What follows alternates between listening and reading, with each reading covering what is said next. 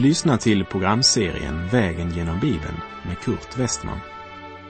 Programmet sänds av Transworld Radio och produceras av Norea Radio Sverige.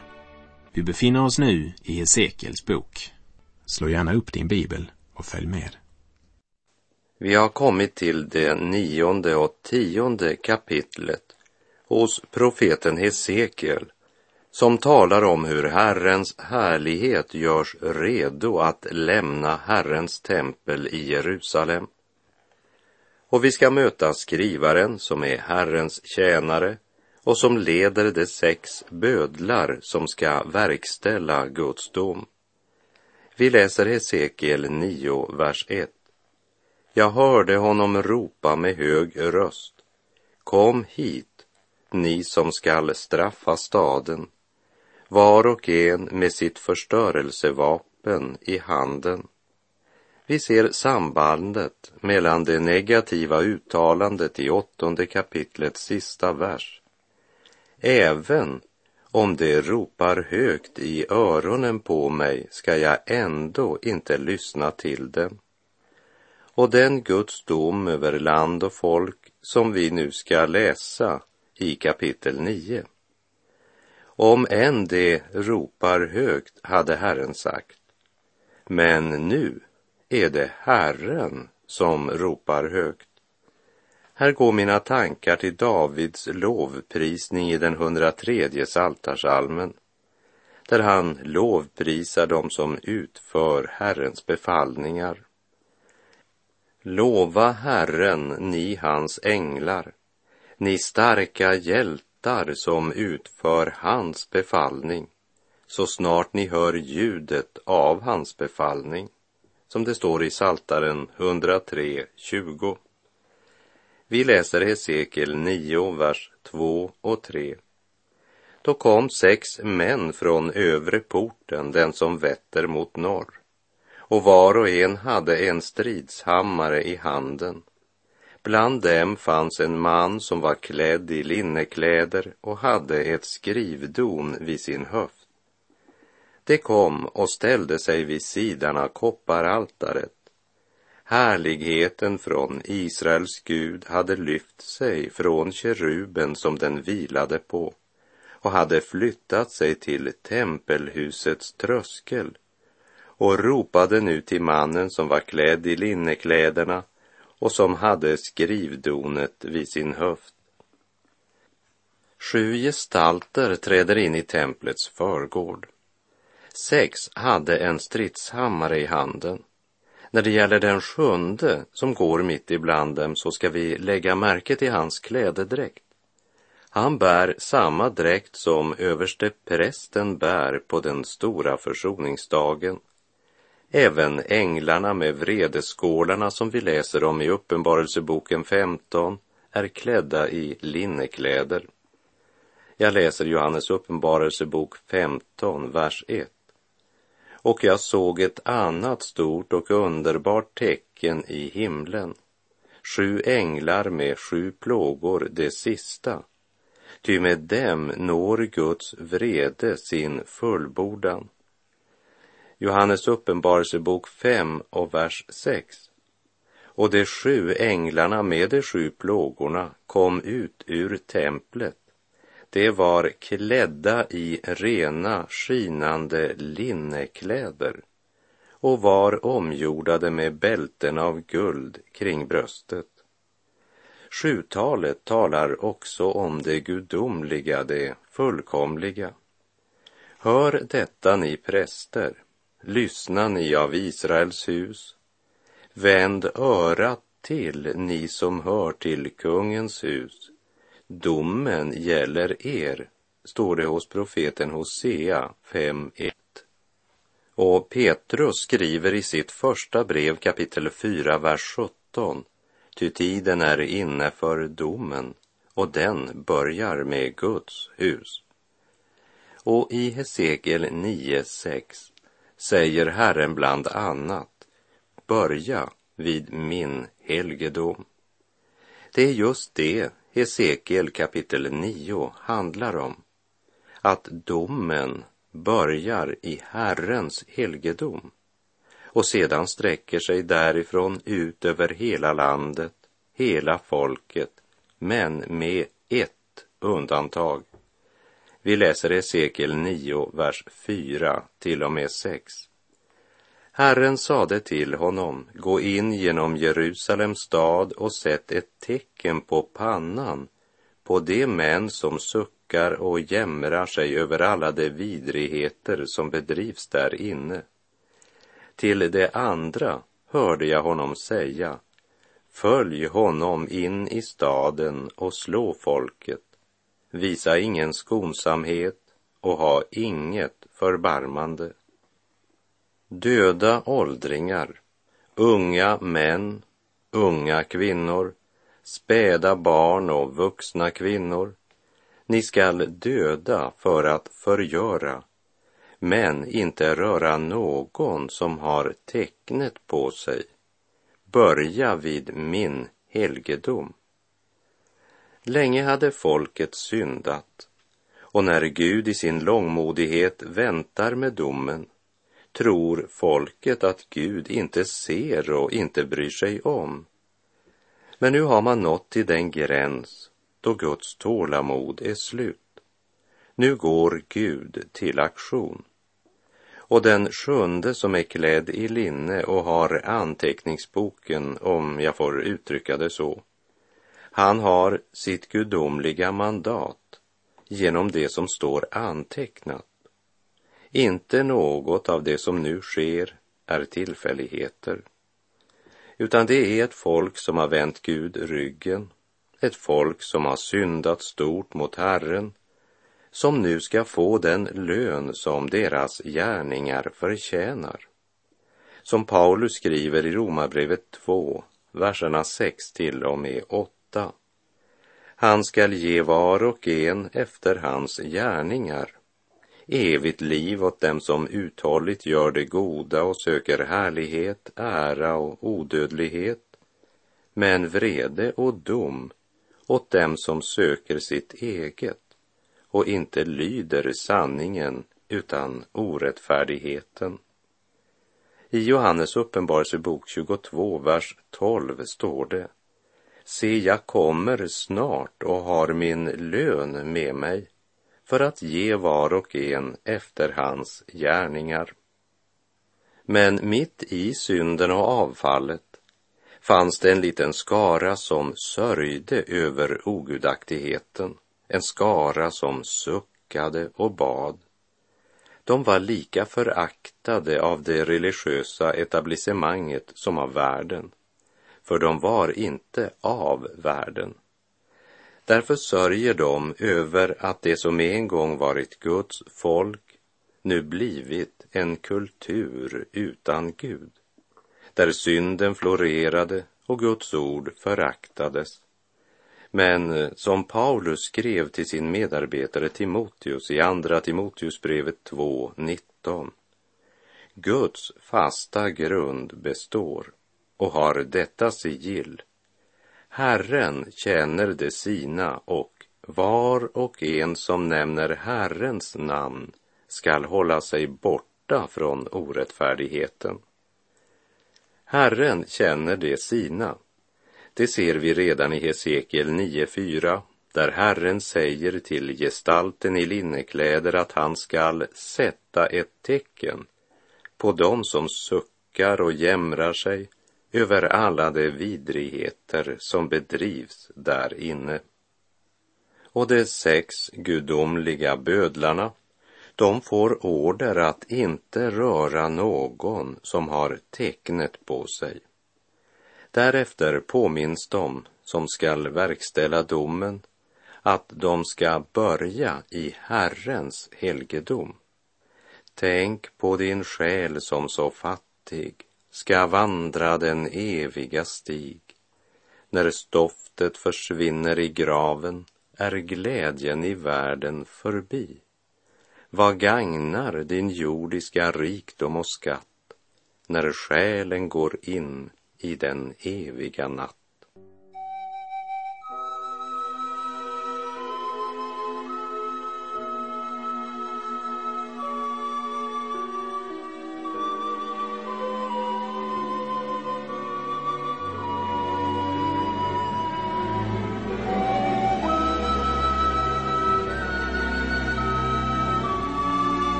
När folket blev slaget och drabbades av Guds dom stod Hesekiel ensam kvar och han faller ner på sitt ansikte och ropar O Herre, Herre, vill du förgöra allt som är kvar av Israel när du utgjuter din vrede över Jerusalem? Och vi läser Guds svar i Hesekiel 9, verserna 9 och 10.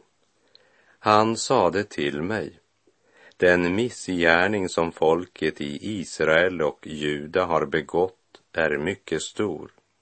Landet är fullt av blodskulder och staden är full av lagöverträdelser.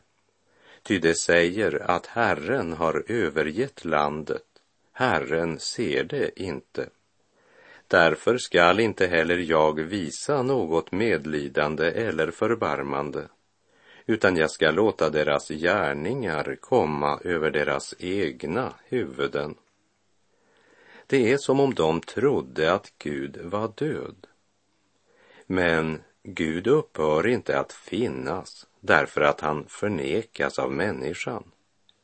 Och även om de flesta människor vägrar tro att Gud en dag ska döma dem för deras synder, så är inte domen mindre verklig för det. Att du inte har sett Gud är inte något bevis för att han inte existerar. När människan avfaller från Gud upphör inte Gud att styra sitt universum.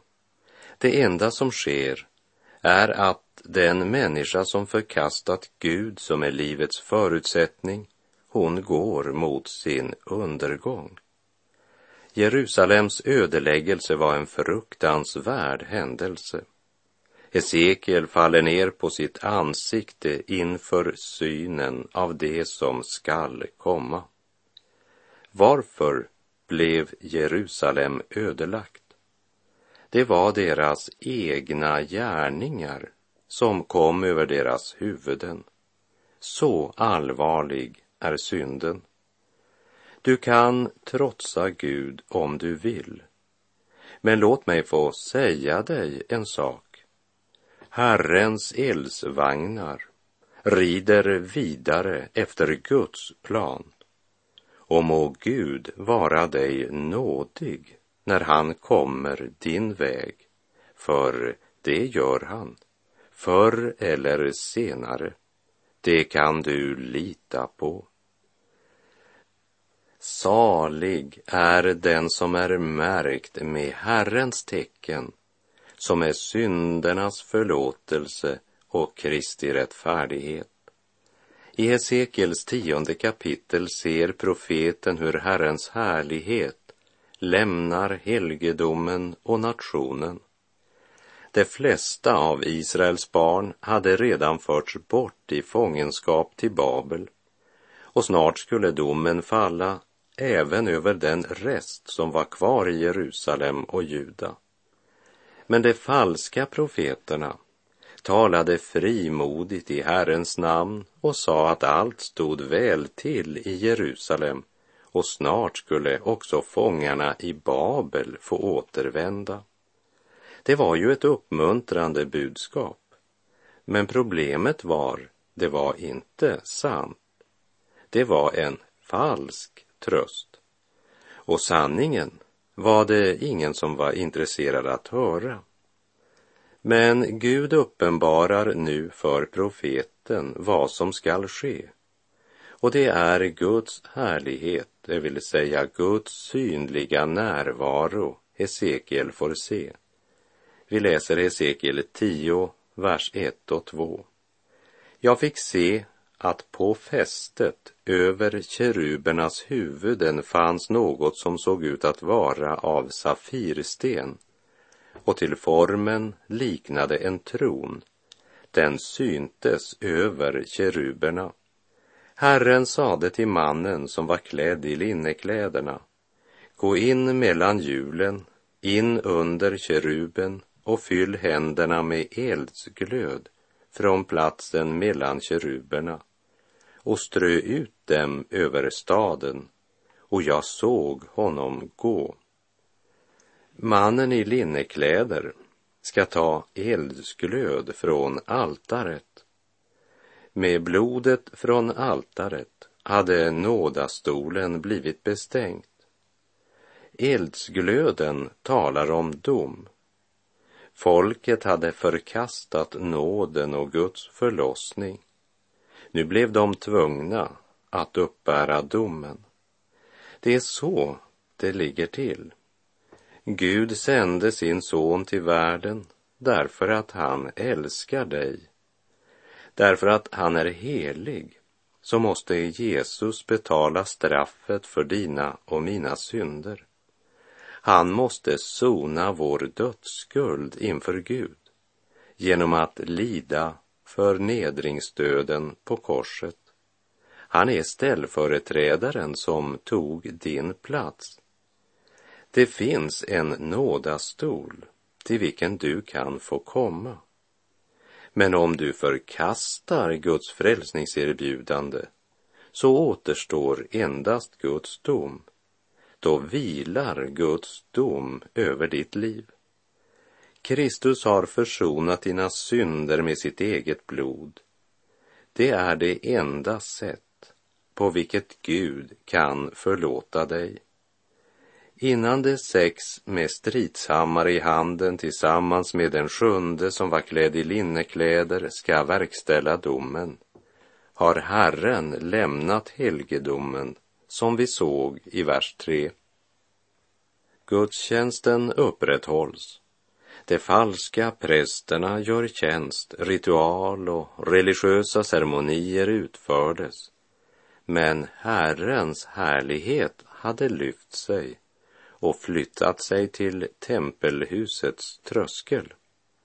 Och i kapitel 10, vers 3 får vi höra hur den linneklädda mannen gick in och hur ett moln uppfyllde den inre förgården.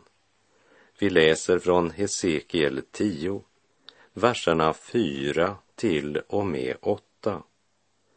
Men Herrens härlighet höjde sig från keruben och flyttade sig till husets tröskel. Huset uppfylldes av molnet och förgården av glansen från Herrens härlighet. Dånet av kerubernas vingar hördes ända till den yttre förgården. Det var som Gud, den allsmäktiges röst, då han talar när han befallde mannen som var klädd i linnekläder att hämta eld från platsen mellan hjulen inne mellan keruberna gick han in och ställde sig bredvid ett av hjulen. Då räckte en av keruberna ut sin hand mellan de andra keruberna till elden som brann mellan dem och tog av elden och lade i händerna på honom som var klädd i linnekläderna. Och han tog elden och gick ut. Under kerubernas vingar syntes något som hade formen av en människohand. Efter tabernaklet som Israels barn bar med sig under ökenvandringen så byggde Salomo templet i Jerusalem. Och om detta tempel säger Herren i Första Kungabok 9, vers 3. Jag har hört den bön och begäran som du har framburit till mig. Detta hus som du har byggt har jag helgat för att där fästa mitt namn för evig tid.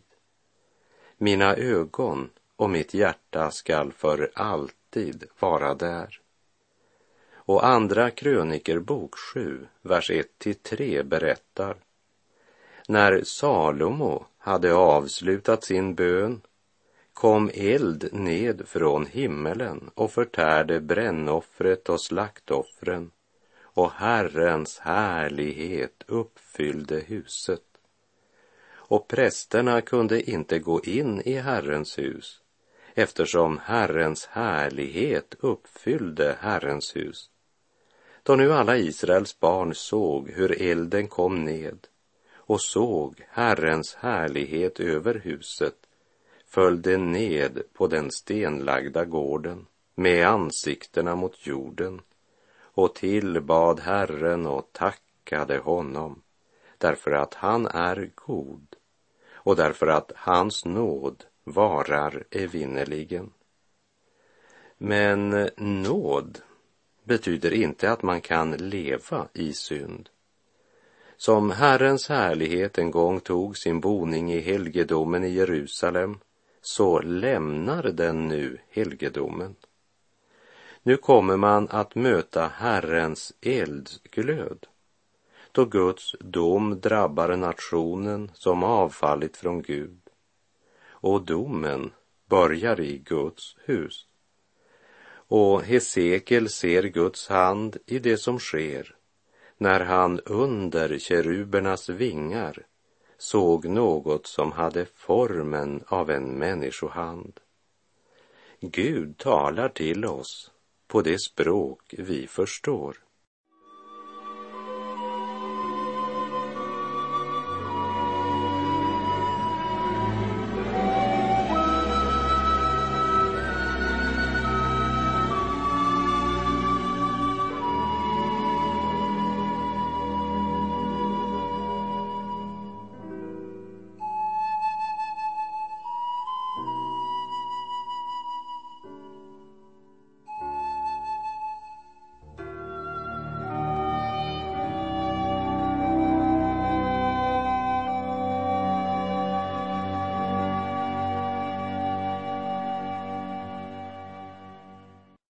Hesekiel talar om att Guds hand satts i rörelse.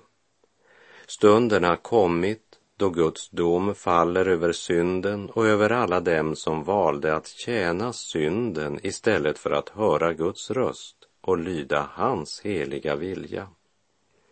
Den som medvetet förkastar Gud finner ingen nåd inför hans ögon. Och då handlar det om ögon som ser allt och i alla riktningar. Och det ser Hesekiel genom följande syn av Guds härlighet. Hesekiel 10.12. Hela deras kropp, deras rygg, deras händer och vingar, ja till och med deras fyra hjul var fulla med ögon runt omkring. Så Gud behöver inte vända sig om för att se vad vi sysslar med. Och det uttrycker Hebreerbrevet 4.13 så här. Inget skapat är dolt för honom, utan allt ligger naket och uppenbart för hans ögon och inför honom måste vi stå till svars.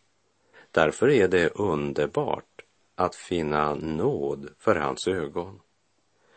Utan att pressa detaljerna i Hesekiels syn, vilket jag inte tror vi ska göra, så vill jag ändå nämna de ansikten som omnämns i vers 14.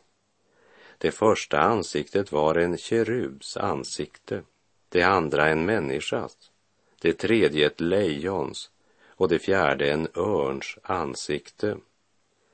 Örnen talar om Kristus som den gudomlige och det möter du i Johannes evangeliet. Lejonet talar om Kristus som konungen. Lejonet är också symbolen för Judas stam. Det läser du om i Matteus evangelium. Människoansiktet talar om Kristus som sann människa och det är Lukas evangeliet. Slutligen keruben som ibland avbildades som en oxe och som talar om Kristus som tjänaren. Det är Markus evangeliet. Vi läser Hesekiel 10, vers 18. Och Herrens härlighet flyttade sig bort från husets tröskel och stannade över keruberna. Då såg jag hur keruberna lyfte sina vingar och höjde sig över jorden. Herrens härlighet flyttade sig bort. Vilken oerhört djup tragedi som ligger i dessa ord. Och denna härlighet som Hesekiel såg i en syn som var svår att beskriva då det inte fanns någon jordisk motsvarighet, låter oss ändå ana något av denna härlighet som i tidens fullbordan skulle bli kött och bo ibland oss, som Johannes uttrycker det i Johannesevangeliets första kapitel och fjortonde vers. Och ordet blev kött och bodde bland oss, och vi såg hans härlighet, en härlighet som den enfödde har av Fadern, och han var full av nåd och sanning. Guds gåva är evigt liv i Kristus Jesus, vår Herre. Må Herrens välsignelse vila över dig just nu. Gud är god. Finns det kors allt för tunga att bära blir prövningen stundom för svår Finns det ingen som ser dina tårar och ingen som nöden förstår.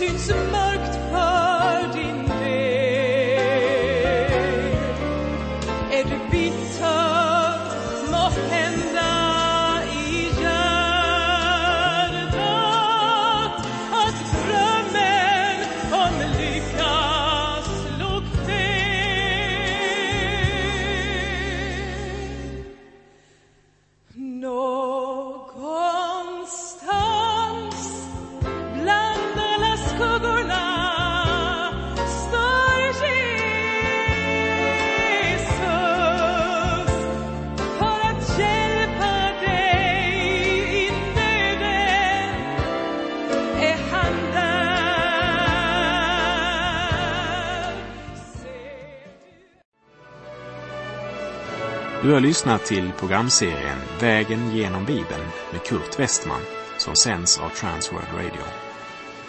Programserien är producerad av Norea Radio Sverige. Om du önskar mer information om vårt radiomissionsarbete så skriv till Norea Radio Sverige, box 3419 103 68 Stockholm.